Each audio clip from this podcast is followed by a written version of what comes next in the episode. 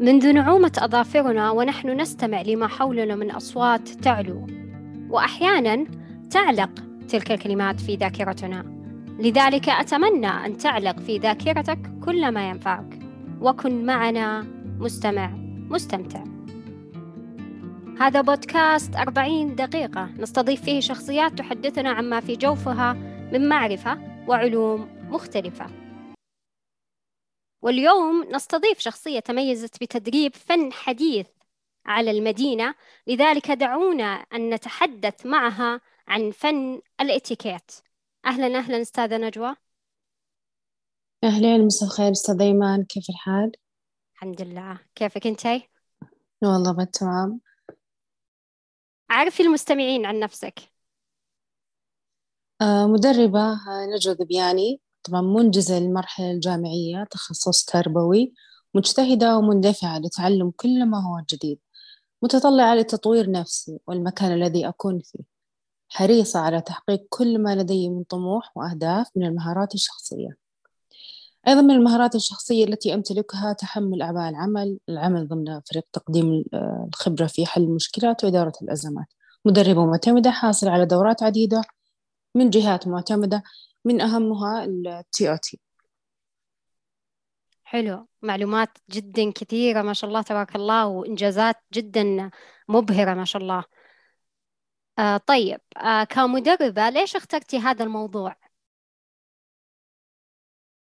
يقول لك كان يا مكان أرسل أحد قدام الملوك اثنين من أبنائه مع أحد مستشاريه لتعلم الآداب العامة وفنون التعامل مع الناس. يعني الملوك سابقا يهمهم موضوع تعلم الآداب لأبنائهم ويرسلونهم دائما إلى خارج البلاد.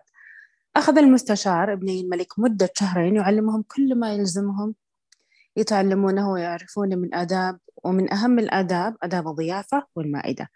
المهم المستشار قال لابني الملك إنه أبيكم تروحون أقرب قرية أما يعني أقرب قرية تواجهكم بحيث أول منزل تطرقون الباب ويستضيفكم صاحب المنزل.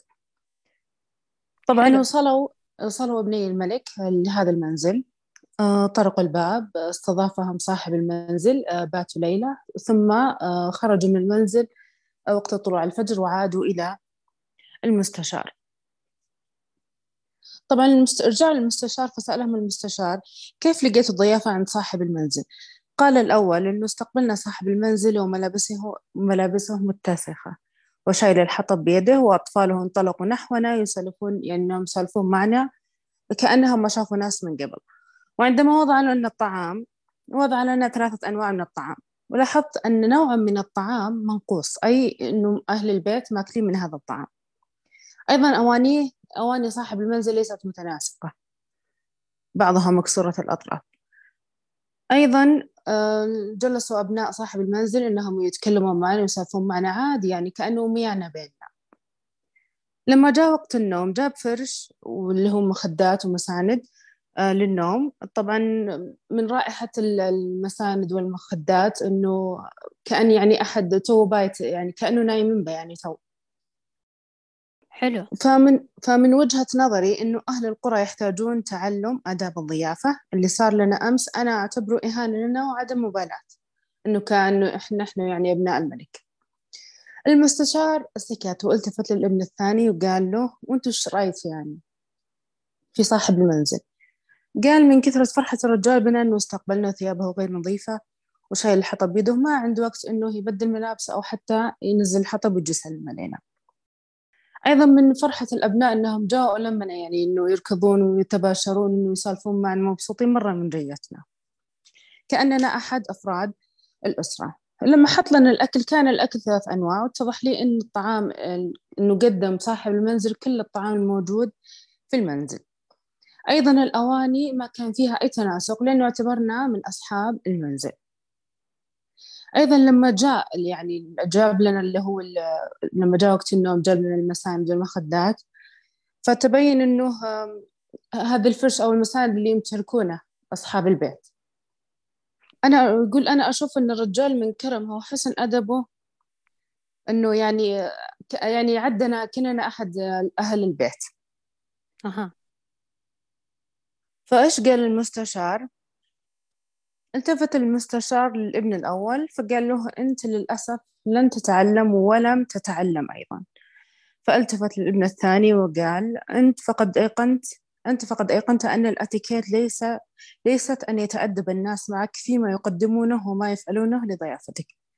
إنما كيف تتأدب أنت في في في فهمك للناس؟ للضيافة أيضا انتقالك من الانتباه للأواني وما تحويه إلى الانتباه للأنفس وما تحمله أو تبديه. إذن الأتيكيت هو أدب النفوس وليس في أشكال الموائد. طبعا ليش عملت دورات وتم تأليف كتب عنها؟ ممكن نقتصرها على الشوكة والسكين أو لبس جاكيت رسمي في الاجتماعات. فمثلا لما تروحين مكان إيه، يقدم نوع من أنواع القهوة المفضلة. طبعا لما يجي اللي هو صاحب المضيف لما يقدم لك القهوة على الطاولة بطريقة مباشرة. يعني لما يمشي خطوات ويقدم لك بشكل أمامي على الطاولة. هنا أنت تحسين التقديم عادي. في فرق لما يجي بجانبك اللي هو الجانب الأيمن ويقدم لك القهوة ويقدم لك اللي هو السكر ويقدم لك الملعقة هنا تحسين التقديم شيء شيء لامس إحساسك يعني. تحسين فعلا إنه أنت هنا يعني زي ما يقولون شايلين لك عروسة يعني. أي مرحب فيك. بالضبط. أيوه طبعا يقول لك هل ابتكرت النساء آداب الأتيكيت أم الرجال؟ يقول لك كايت كريشنر كاتبة حرة طبعا تسكن في مدينة سياتل. نشرت في إحدى الصحف بعنوان هل ابتكرت النساء آداب الاتيكيت أم الرجال؟ يقول لك النساء قد تواجه الكثير من الضغوطات الاجتماعية مما جعلهن يسلكن طريقا معينا للتعامل مع هذه الضغوط كابتكار آداب السلوك. لكن فعليا أن النساء ابتكرت آداب السلوك أو ما يسمى بالاتيكيت. يقول لك بالتأكيد هنا راح نقول أنه فعلا النساء ابتكرت الاتيكيت. لكن لما نرجع للي هو عهد لويس الرابع عشر. أيضا طبق آه، بصرامة داخل البلاط الملكي الفرنسي. آه، كان طبعا آه، طبق قواعد الإتيكيت. كان شغوفا بالبروتوكول بداية في خطاباته بالتأكيد. أيضا مع الوفود والضيوف من طبقات اجتماعية متفاوتة وبلدان مختلفة. مما ساعده على فرض مجموعة من قوانينه الصارمة حفظا للكبرياء والوقار. أيضا ضمانا على أن يظهر الاحترام للمشاعر والتسلسل الطبقي. لكن هل هذا يعني أن لويس الرابع عشر أيضا هو من اخترع بنفسه آداب الأتيكيت؟ لا. يقول لك لطالما وجدت المجتمعات الاجتماعية وابتكرت معها قواعد وأنماط السلوك فالبعض يستشهد من الكتاب المقدس وأيضا تشير بعض الحقائق إلى أن بعض أنواع الأتيكيت ابتكرت لحماية النساء نتيجة لتلك القوانين الصارمة المضطهدة للمرأة في القرن التاسع عشر. حلو. طبعا في عندنا اللي هو آه، فن الأتيكيت أنا اخترته آه، لأنه آه، أول شيء شيء اكتسبناه اكتسبناه من ديننا من ديننا الإسلامي. يقول لك علاقة الأتيكيت بالإسلام علاقة وثيقة الصلة فقد أوجد الإسلام الأتيكيت في خلق وسلوك أتباعه. أيضا جاء في القرآن والسنة يزخان بالأدلة والبراهين على أصالة فن الأتيكيت في الإسلام. عندنا نماذج من سلوك المصطفى عليه الصلاة والسلام في الأتيكيت في التحية والمصافحة وقواعد السلام والمحادثة واللهجة والزيارة والضيافة والبشاشة والاستئذان وغيرها من السلوكيات اليومية بين المسلمين. ففي التحية مثلا حديث النبي عليه الصلاة والسلام إذا التقيتم فابدأوا السلام قبل الكلام. وفي المصافحة أيضا. وفي الهدية تهادوا تحابوا. أيضا في البشاشة من المعروف أن تلقى أخاك بوجه طلق. أيضا في الأناقة قوله تعالى يا بني آدم خذوا زينتكم عند كل مسجد وكلوا واشربوا ولا تسرفوا إنه لا يحب المسرفين. أيضا في آداب الموائد علمنا ديننا الحديث أيضا في توقير الشخصيات إذا أتاكم كريم قوم فأكرموه. وفي الابتسامة تبسم تبسمك في وجه أخيك صدقة. وفي الشكر من لم يشكر الناس لا يشكر الله. أيضا قوله تعالى في التواضع ولا تصعر خدك للناس ولا تمشي في الأرض مرحا مرحا إن الله لا يحب كل مختال فخور. أيضا طبق الإسلام منذ بداياته التعامل بالإحترام والتوقير والتقدير مع الآخرين. أيضا وضع في كل خطوة الإرشادات والتوجيهات التي توضح طريقة التعامل بأسلوب منظم. يهدف من خلاله لإرساء وتدعيم العلاقات الإنسانية والاجتماعية في المجتمع الإسلامي. أيضا علمنا الإسلام الإتيكيت مع الوالدين أو ما يسمى بر الوالدين. أول ما يمكن الحديث فيه هو فن التعامل مع الوالدين. مستدلا بقوله تعالى وقضى ربك ألا تعبد إياه بالوالدين إحسانا. فإما إما يبلغن عندك الكبر أحدهما أو كلاهما فلا تقل لهما أف ولا تنهرهما وقل لهما قولا كريما. أيضا ذكر حديث النبي عليه الصلاة والسلام أتاه رجل فقال إني أشتهي الجهاد ولا أقدر عليه. فقال هل بقى من والديك أح من والديك أحدا؟ قال أمي. فقال قابل الله في برها. فإذا فعلت ذلك فأنت, فأنت حاج ومعتمر ومجاهد.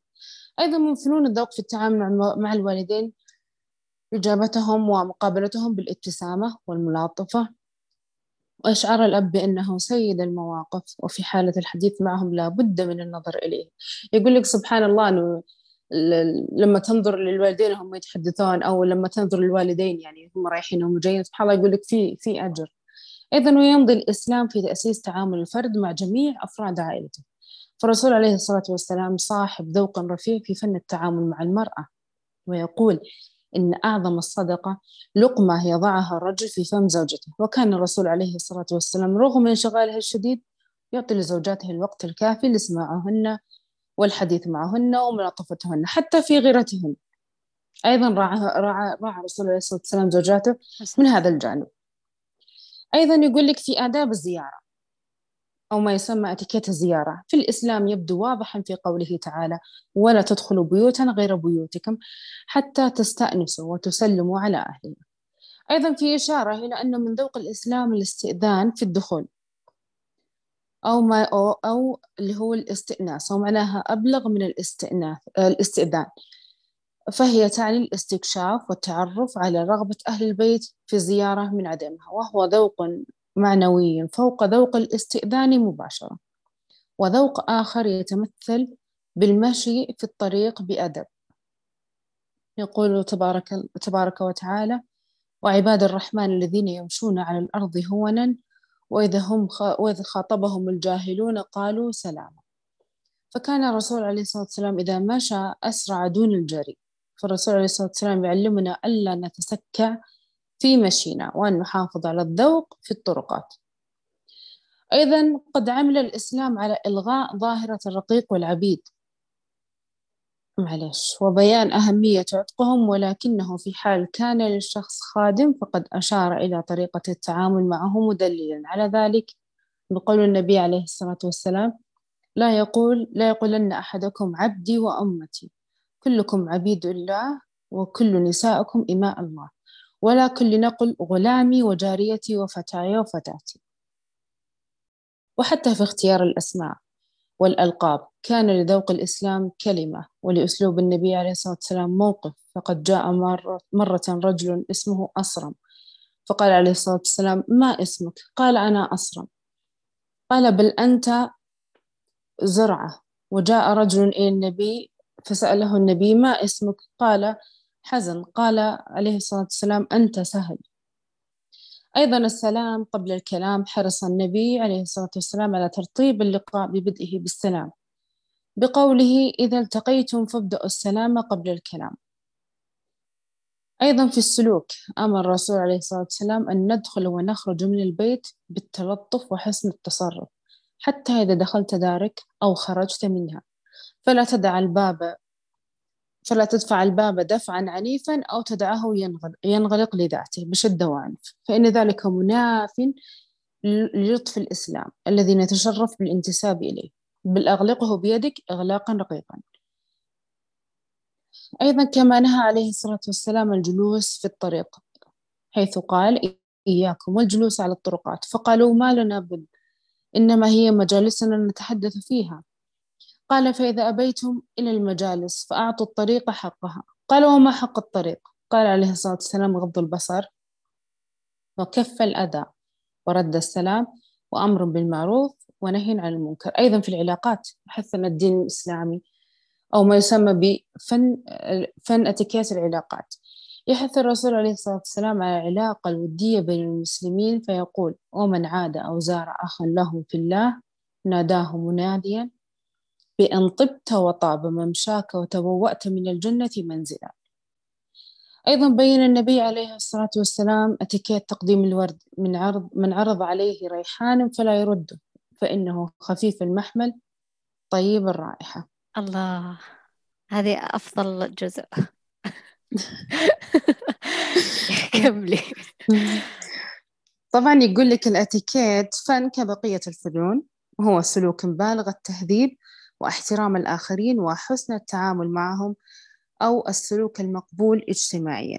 فهو بذلك مفهوم راق ومحتوى إنساني وحضاري. فالحضارة ليست قصرا ولا سيارات فارهة ولا مجرد زينة في الوجه والملبس ولكنها بالدرجة الأولى للتعامل الإنساني الراقي فيما يعرف بآداب التعامل الإنساني الراقي. أيضا أنه وضعت هناك قواعد أساسية للأتيكيت وللتعامل مع الآخرين أو العلاقات سواء كانت في المنزل أو مع الأصدقاء أو مع الأقارب أو في العمل. تفضلي أستاذة إيمان. مستمتعة ما شاء الله تبارك الله. يعني أشياء كثيرة تعلمتها عن فن الإتيكيت. أنا على بالي فن الإتيكيت فقط شوكة وملعقة وصحن وفقط. هذا لا طبعا عالم ترى. أي واضح إنه عالم واسع. آه طيب ما هي الأشياء المهمة لإتقان فن الإتيكيت؟ يقول لك الأشياء المهمة لإتقان فن الإتيكيت أو القواعد. هناك قواعد إتيكيت يجب على الجميع معرفتها. يقول لك نقابل يوميا عشرات الأشخاص بين أصدقاء زملاء أقارب معارف جيران. وتقتضي الفطرة السليمة مراعاة الآداب العامة في التعامل مع المجتمع الذي تعيش فيه وتتفاعل مع أفراده. بينما تتغير قواعد الآداب من ثقافة إلى أخرى. فعلى سبيل المثال وضع أحد الرجلين فوق الأخرى بمثابة استهزاء بالشخص الجالس أمامك. هذا في الثقافة العربية لكن ليست كذلك في الثقافة الأمريكية. أيضا الالتزام بالقواعد العامة أو الأتيكيت ليس من منطلق إلزامي وإن كان كذلك فعلا كضرورة اجتماعية لكنه يضفي عليك كاريزما تحبب الناس فيك. يقول لك الحديث مع الجماعة مع الجماعة كاملا إذا كنت برفقة مجموعة من ثلاثة أشخاص فلا تتناجى مع أحدهما في حضرة الثالث. هنا نتذكر اللي هو حديث النبي عليه الصلاة والسلام لا يتناجى اثنان دون ثالثهما. صحيح. أيضا وانتظر, وانتظر حتى تكون بمفردك مع الشخص الذي تريد التحدث إليه في أمر ما. عشان ما حد يطلع عليه لازم تكون أنت الشخص الثاني اللي بتقول له السر لحالك. أيضا عدم الإسراف في العطور. يقول لك الإسراف الإسراف في العطور صفة مذمومة. والمشكلة في الإسراف في وضع العطور أنها قد تؤذي البعض ممن لديهم حساسية. وقد يحرجون من إبلاغك بذلك أو ينسحبون تحت أي حجة أخرى. طبعا أنا أخذت اللي هو الدورة اللي هو البرنامج الإرشاد السياحي كان من ضمن البرنامج المرشد المرشد السياحي لما يجون السياح من المحظورات ترى اللي هو وضع العود الثقيل وضع العطورات لأنه ممكن تسبب حساسية لهم وقت الصباح. أيضا يقول لك احترام الخصوصية. طبعا الخصوصية خط أحمر فلا تتجسس على الآخرين. ولا نتحسس أخبارهم. وقد يتفق كثيرون على أن الخصوصية من حيث المبدأ لكن عند التطبيق قد تجد بعض الممارسات وإن كانت لا إرادية. في ناس سبحان الله لا إرادية. يحبون يتجسسون يحبون يعرفون إيش صار على فلان على علان إيه. ويتدخلون بكل شيء يعني. بالضبط. يقول لك كأن يطلع أحدهم على هاتفك في المواصلات العامة أو يصر أحدهم على سؤالك عن راتبك. رغم أنك تتهرب من الإجابة. عندك اللي هو احترام المواعيد. إذا اتفقت مع أحدهم على اللقاء الساعة الخامسة مساء فاحضر الساعة الخامسة وليس بعدها. يقول لك هذه أفضل الصفات اللي يتحلى, يتحلى فيها الفرد على أن يكون صادق الوعد. أيضا خفض الصوت. اخفض صوتك لا سيما في الصباح الباكر كي لا تزعج الآخرين. أيضا فور استيقاظهم من السبات أيضا اخفض صوتك حين تتحدث في الهاتف في الأماكن العامة. فلا ما في أحد يعني لما ترفعين صوتك كنت تتكلمين بالجوال ترى ما في أحد راح يبغى يسمع أصلا السالفة يعني من صحيح. الضوضاء. إيه ما في أحد راح يشارك المحادثة صح. أيضا عدم نشر الأسرار. مع انتشار وسائل التواصل الاجتماعي جرت عادة نشر الأسرار الشخصية للفرد أو الأسرة على وسائل التواصل الاجتماعي مع الإسراف في نشر الصور زي ما نشوف في الوضع الحالي. صور شخصية ومع أنه لا مانع من إشراك المجتمع في بعض أمورك أو نشر صورك من باب التآلف. يقول لك لكن الإسراف في ذلك يجعلك وكأنك تقف عاريا أمام الناس. صحيح. أيضا الإنصات عندما تجد أحدهم يتحدث فانتظر حتى يفرغ من حديثه وبينما نتفق على هذه القاعدة فإننا حين نخالفها بلا وعي منا مما قد يضعنا في مأزق أن يتجاهلنا الشخص أو أن نقطع حديثه خجلا أيضا يقول لك مراعاة منصات التواصل الاجتماعي. عندما يكون صديقك متاحا أونلاين على الإنترنت فذلك لا يعني أنه بالضرورة أنه لازم يتكلم معك لما تشوفه متصل. فعلا. ممكن يكون إيه داخل عشان شغلة ضرورية ويطلع. صح. يقول لك ينبغي أنه ما تضايق هذا الشخص. فأنت لا تعلم ما يفعله الآن على الجانب الآخر من الشاشة. ولا فكرة لديك إن كان راغبا حقا في الحديث أم لا. يقول لك أيضا وضع الهاتف صامتا. إذا كنت في اجتماع أو في لقاء يجب أن تضع تضع الهاتف في وضع الصامت بحيث لا يقطع حبل الأفكار الحاضرين برنينه. ما شاء الله في ناس بعض نغماتها مجرس مدرسة يعني ما هو ما هو نغمة جوال. إي والله صدق سمعتها بالمستشفيات. هذه أنا بطبقها على نفسي لأني دايم المنبه فاتحته يعني. أوكي.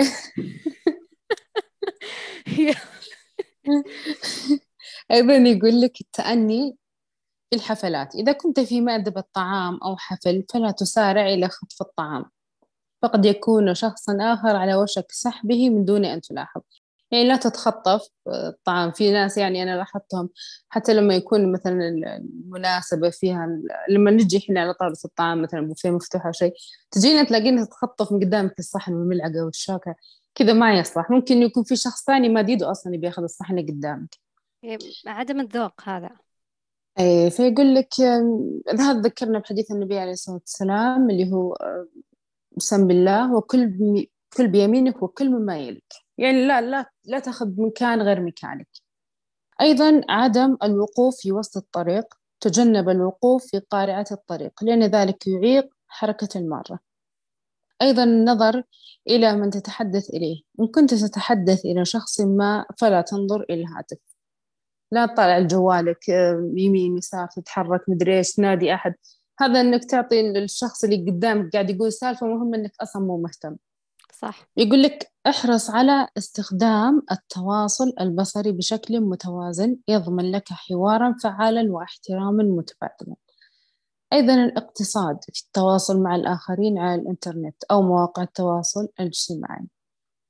يقول لك جعلت وسائل التواصل الاجتماعي لزيادة التفاعل بين الناس لكن يجب أن تقتصد في عباراتك وليس في تعاملك ذاته. مع الآخرين ممن تعرفهم معرفة إلكترونية فقط. على سبيل المثال إن كنت تعلم أن شخصا ما يمتلك معرفة وتريد أن تسأله عنها يقول لك ارسل رسالة على الخاص ألقى التحية من دون أن تنتظر رده. بعد كذا اكتب الكلام اللي عندك آخر شيء ثم أشكره على رده مسبقا وتركي له رسالة عاد هو متى ما فضى يرسلك. أيه. هذه بنبروزه بكل مواقع التواصل الاجتماعي من دون السلام عليكم أيه بعدين ما يكتب ولا شيء. اي ننتظر لين تصير العلامة زرقاء ولين يصيرون صح. صح. كملي. يقول لك المحافظة على المساحة الشخصية. أنه عندما تقابل أحدهم للمرة الأولى حافظ على مسافة نحو نصف متر إلى متر. لا تلتصق به لا سيما إذا كان ذلك الشخص من الجنس الآخر. يعني حافظ على المسافات ما, ما تكون مرة قريبة قريبة عشان لما يكون في كلام أو شيء يكون حوار هادئ. أيضا تجنب الغيبة لا تتصور أنك إذا اغتبت شخصا في حضرة شخص آخر فهذا يقربك منه. بل على الأرجح قد يقلق منك, منك هذا الشخص. لما تجي تغتاب تغتابين آه، واحدة قدام واحدة الثانية بتقول إيه ندري الحين لا راحت تبي تكمل علي أنا مع أحد ثاني. صح. إيه صدق. من حشب إيه؟ غيرك حشبك. صحيح. يقول لك أيضا تذكر الناس بأسمائهم أكثر مما يحب آه، كثيرا من الناس سماعه هو أسمائهم تجنب أيضا إطلاق الألقاب على الأشخاص. ما يصلح إنه تصير ألقاب يعني. في بعض الناس يتعمدون إنه يحرجونك لما يعرفون إنك لقب يعني فكاهي أو شيء يحرجونك قدام أحد. لا أنت حاول إنه تقول باسمهم يعني. أيضا يقول لك عدم الإشارة بالإصبع. إذا كنت إذا كنت تشير إلى شخص ما فلا تشير إليه بالإصبع وإنما براحة يدك. وهذا فعلا حتى في مجال التدريب. إذا تذكرين أستاذ إيمان حتى أيه. في في المجال اللي هو الإرشاد السياحي نفس الكلام. يقول لك تجنب الإشارة لأن هذا أساسا في البروتوكولات الدولية يعتبر زي التهديد. لما الإشارة بالإصبع يكون بمثابة التهديد. صحيح. أيضا الابتسامة. لا تعبس في وجه الآخرين فلا أحد يحب ذلك وقبل كل شيء تذكر أن تبسمك في وجه أخيك صدقة. أيضا مسك الباب لمن بعدك عند مرورك مع عدة أشخاص. هذه للأسف ما نشوفها حاليا يعني قدام المحلات خصوصا لكبار السن. لما يدخل واحد عاد الباب يسكر بوجه أي أحد. يا صح. أي أيضا عدم البصق من أسوأ العادات أن يبصق المرء أمام الآخرين. يعني في ناس يعني وهو بالسيارة وهو طالع من مكان عادي ما عنده أي مشكلة. وهو بالشارع أحيانا.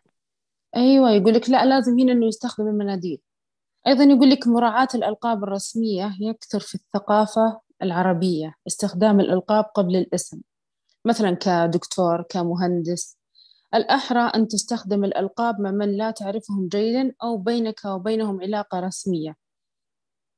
أيضا مراعاة آداب الطعام من آداب الطعام المنسية أن الأصغر سنا هم من يسارعون إلى الوليمة وآخر من يقومون عنها وذلك احتراما للكبار.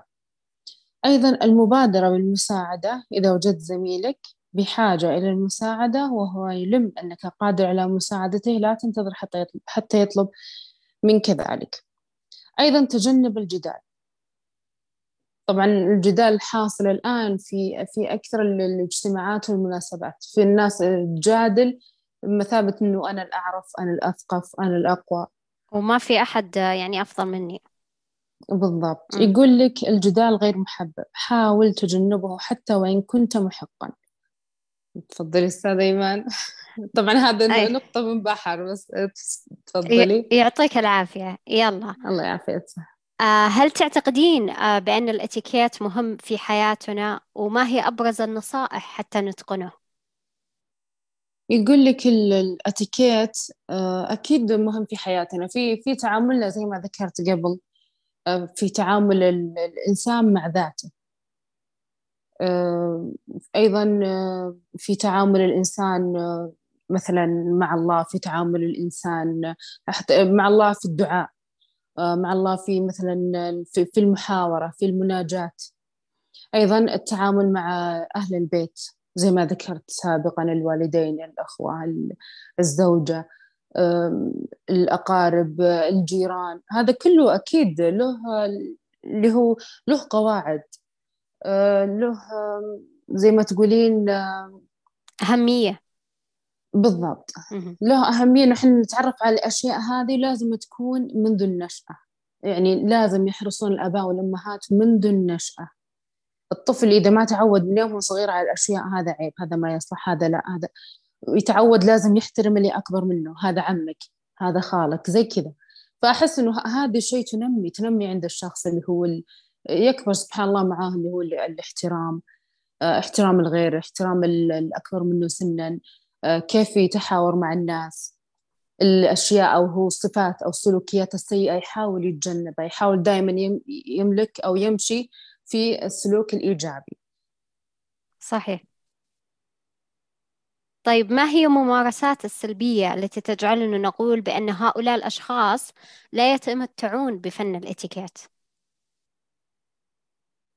يقول لك في في عصر تحكم تحكمه القواعد والبروتوكولات. لا مجال فيه للخطأ. أي أن أي سلوك أو تصرف خاطئ يعطي انطباع سيء عن الشخص. وهذا ما يؤثر سلبيا على حياته الاجتماعية. فيما يلي راح أذكر لك بعض السلوكيات المرفوضة في اتيكيت الحياة الاجتماعية. لازم الواحد إنه يتجنبها. طبعا أول سلوك اللي هو قضم الأظافر. يقول لك عادة قضم الأظافر من أسوأ العادات وهي غالبا ما تشير إلى أن الشخص يعاني من حالة نفسية ما وتعبر أيضا عن الشعور بالقلق والتوتر. لذلك من غير اللائق قضم الأظافر ويفضل أن يستشير آه، طبيب نفسي عشان يساعده على التخلص من هذه العادة. أيضا يقول لك مضغ العلك. أو مضغ العلكة في الأماكن العامة وفي المناسبات الاجتماعية يعتبر من السلوكيات الغير لائقة. وقد تعطي انطباع أن الشخص مستهتر وفوضوي وخاصة إذا رافق مضغها إصدار أصوات. وهذا للأسف ما مو قاعدين نشوفه في المجتمع النسائي حتى في المجتمع الرجال. أيضا يقول لك الضحك بصوت مرتفع. من التصرفات الخاطئة والغير لائقة الضحك بصوت مرتفع يعطي انطباع خاطئ عن الشخص وخاصة إذا كان في اجتماع عمل أو في مناسبة رسمية. لذا من الأفضل تجنب الضحك في تلك الأماكن والضحك في صوت منخفض في الأماكن العامة. أيضا يقول لك التحدث بصوت مرتفع من السلوكيات المكروهة في جميع المجتمعات. التحدث بصوت مرتفع لأنه يثير الضجر والملل في نفوس الحاضرين. لذلك يجب التحدث بهدوء وبصوت منخفض حتى تظهر للناس بأنك شخص راقي ومحترم. أيضا من ذات الأشخاص زي ما ذكرنا سابقا أسوأ العادات الاجتماعية أن تنادي الأشخاص بأسمائهم فهذا السلوك يعطي انطباع سيء عن الشخص حيث ينصح بمناداة الأشخاص زي ما قلنا دكتور فلان مهندس فلان أو بالاسم كامل. أيضا اللباس الغير مناسب. يقول لك أسوأ ما يقوم به الشخص أن يرتدي ملابس غير مناسبة للمكان الموجود فيه. فمن غير اللائق طبعا أنه يلبس ملابس رياضية في حفلات ومناسبات رسمية. أيضا من غير المناسب أن يذهب للنادي ببدلة رسمية. يجب أن يختار ملابس مناسبة للمكان المناسب. أيضا يقول لك التصرف على نحو انفعالي يجب أن يتحكم الشخص في أعصابه فقد يتعرض لمواقف تثير غضبه فإذا تسرع وقام بلك أحد ما أو الصراخ عليه سيظن الجميع بأنه شخص غير محترم. بين هذا لذلك إيه؟ إيه. لذلك من الأفضل أن الواحد يلجم غضبه والتحلي بالهدوء وتجاهل كل ما يثير غضبك. أيضا إذا واجهت شخص تعرفه أو أنه تعرفين إنه إنه هذا الشخص انفعالي هذا الشخص شديد الغضب ما يتحمل كلمة حتى المزح ما يتحمله لازم لازم إحنا نتجنب هذا الشخص نتجنب الصدام معه أو المزح أو نحاول نتجنبه قد ما نقدر. صحيح. عشان ما عشان ما نسبب انزعاج للموجودين أو انتقادهم. ما هي أحب طرق الإتيكيت لك ولماذا؟ طبعا آه، أستاذة إيمان فن الاتيكيت عندي أنا متواصل كحبات اللؤلؤ في العقد. يعني أنا ما أقدر أقول لك مثلا طريقة عن طريقة أنا أفضل هذه الطريقة. بالعكس أنا كل قواعد أو طرق الاتيكيت أحب أقرأ عنها دايم. يعني حتى لما أعطيت مرة دورة مدة العشر ساعات أحس إنه ما ما قلت شيء. حتى هم قالوا إنه نبغى زيادة. يعني ما أحس إنه طرق الاتيكيت عالم ثاني. يقول لك فن الأتيكيت نمط عيش وليس فقط شوكة وسكين.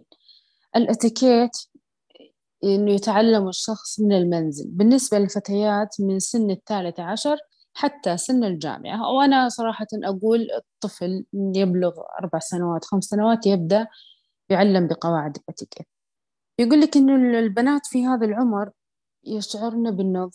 أيضا القدرة على إدارة المنزل والتعامل مع الآخرين بالإضافة إلى فن التعامل والتصرف في إعداد المأكولات وترتيب المعدة. يقول الدكتور رفعت الضبع أستاذ الإعلام وخبير الأتيكيت أن فن الأتيكيت يعطي الفتاة كثيرا من الإدراك في كيفية إعداد الأطعمة داخل المنزل بدلا من شرائها من الخارج.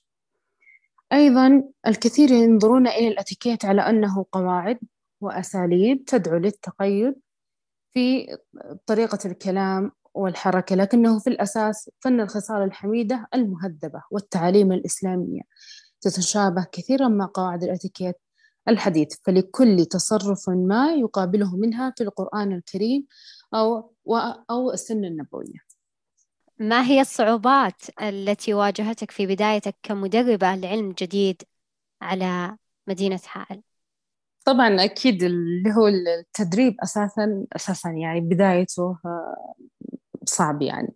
يعني اللي تتذكرين لما بدينا أخذنا اللي هي تيوتي كانت في البداية صعب علي إنه كيف راح أقابل أو أواجه جمهور آه بعد كذا بعد كذا بديت أعمل كدورات يعني لمدة أربع ساعات. شوي شوي بديت اللي هو أطلع عن خمس ساعات.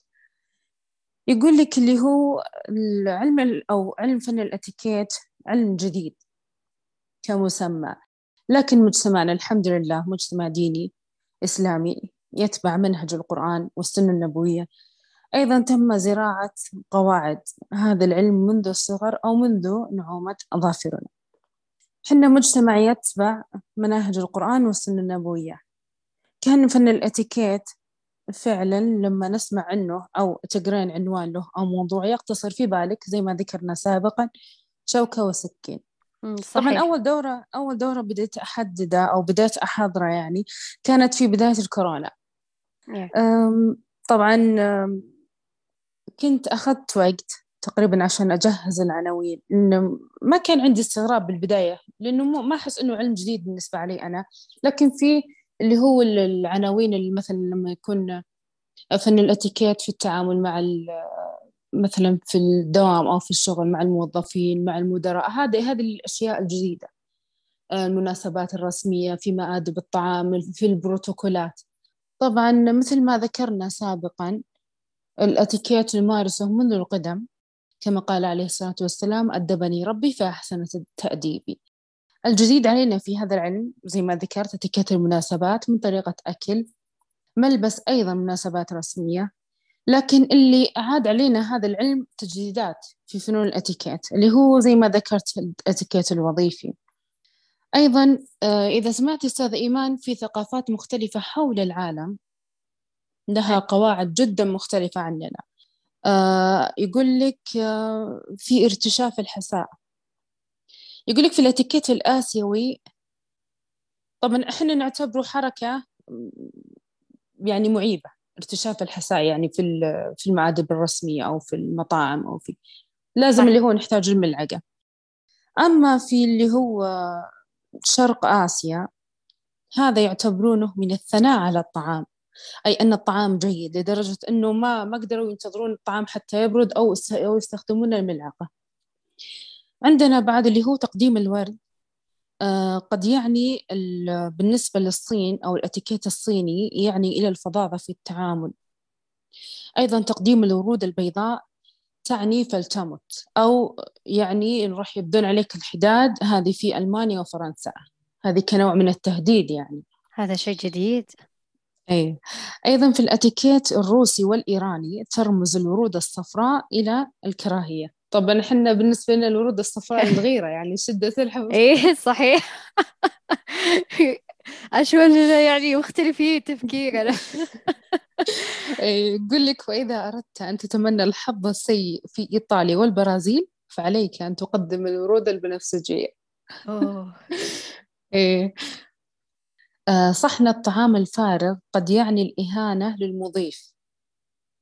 في الفلبين وشمال أفريقيا. المضيف أو أو صاحب المنزل يعني إنك ما ما شبعت للحين وصاحب المنزل البخيل يعني. آه، أتيكيت تناول الطعام بدون شوك وسكين. طبعا إذا إذا أكلتي مثلا عند في المكسيك آه، اللي هو التاكو والبوريتو آه، بالشوك والسكين هذا دليل على تكبرك. أيضا لا يمكنك قطع البطاطا المسلوقة بالسكين في ألمانيا فالطاهي سيفهم أن البطاطا ليست ناضجة. أما في الهند فالاتيكيت الوحيد في تناول الطعام هو استخدام الأيدي فقط. يعني تخيلي الأتيكيت بالهند يأكلون بيديهم أيضا يقول أيضا يقول لك لا موفرين لا شوكة ولا ملعقة ولا غسيل. ما شاء الله عليها أيضا في الأتيكيت الياباني البقشيش قد يعني الإهانة يعني لما تعطين أحد مبلغ مادي بسيط. فهو يظهر لهم كصدقة بداعي الشفقة. آه رسالة اليوم منك إلى المستمعين أستاذة نجوى. آه بصراحة اللي هو الفن الأتيكيت زي ما ذكرت والله هو يحتاج ترى الوقت يحتاج هو عالم آخر. فأنا اختصرتها في مقالات عندك اللي هو الأستاذ يوسف الحسني دكتور ومحاضر آه، في الأتيكيت والبروتوكول العماني. يقول لك الأتيكيت لا يفرض عليك أن تأكل بشوكة وسكين. طبعا هذه موجب اتفاقية الأتيكيت عام 1815 ميلادي. الأتيكيت لا ينتقد العادات والتقاليد أبدا بل يحترمها بحسب الرقعة الجغرافية. يعني إذا دخلت فندق خمس نجوم كل بشوكة سكين. إذا دخلت مثلا مطعم مندي لا كل بيدك ما عندك أي مشكلة. أيضا لا تدقق في كل التفاصيل. نحن لم نخلق بطاريات مضادة. نقصف كل, كل, كل كلمة نسمعها. لو كل غلطة لازم نأخذ عليها تأكد إنه ما راح تستمر علاقات لا زوجية ولا اجتماعية ولا علاقات في بيئة العمل. حتى الشخص نفسه لو بيقعد على كل غلطة راح يواجه مشاكل كثيرة في الحياة. أيضا يقول ابن حنبل تسع أعشار الأخلاق في التغافل عن الزلات. أيضا لا تكلف نفسك وتبذل جهدك لكسب إنسان لا يهتم لأمرك. يعني زي ما نقول اللي ما يعدك ربح لا تعده خسارة. أيضا من يشتمك في, تواصل في مواقع التواصل الاجتماعي اتخذ قاعدة لا تدفع فاتورة ليست مستحقة عليك. أي لا تجادل السفيه فيحتار الجالس من فيكم السفيه. أيضا بالنسبة للي هو عندنا الجروبات فجأة تلاقي نفسك مضافة بجروب بمحادثات. يقول صحيح. لك لل... إذا إذا حابة تدخلين شخص في مجموعة واتساب. لازم إنه تستأذنين أو ترسلين له رسالة قبل. أيضا يقول لك لما ترسل رسالة بالواتساب لا تعقب الرسالة باتصال. لا انتظر حتى يجاوب على الرسالة. عندنا الناس لا ترسل وتدق واتساب. لين تردين لازم تردين.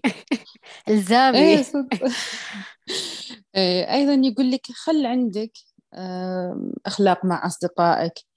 لما يكون عندك خلاف مع أحد الأصدقاء قد يكون الموضوع بسيط جدا لكن اللي نقل لك الخبر ممكن يضخم الأمر.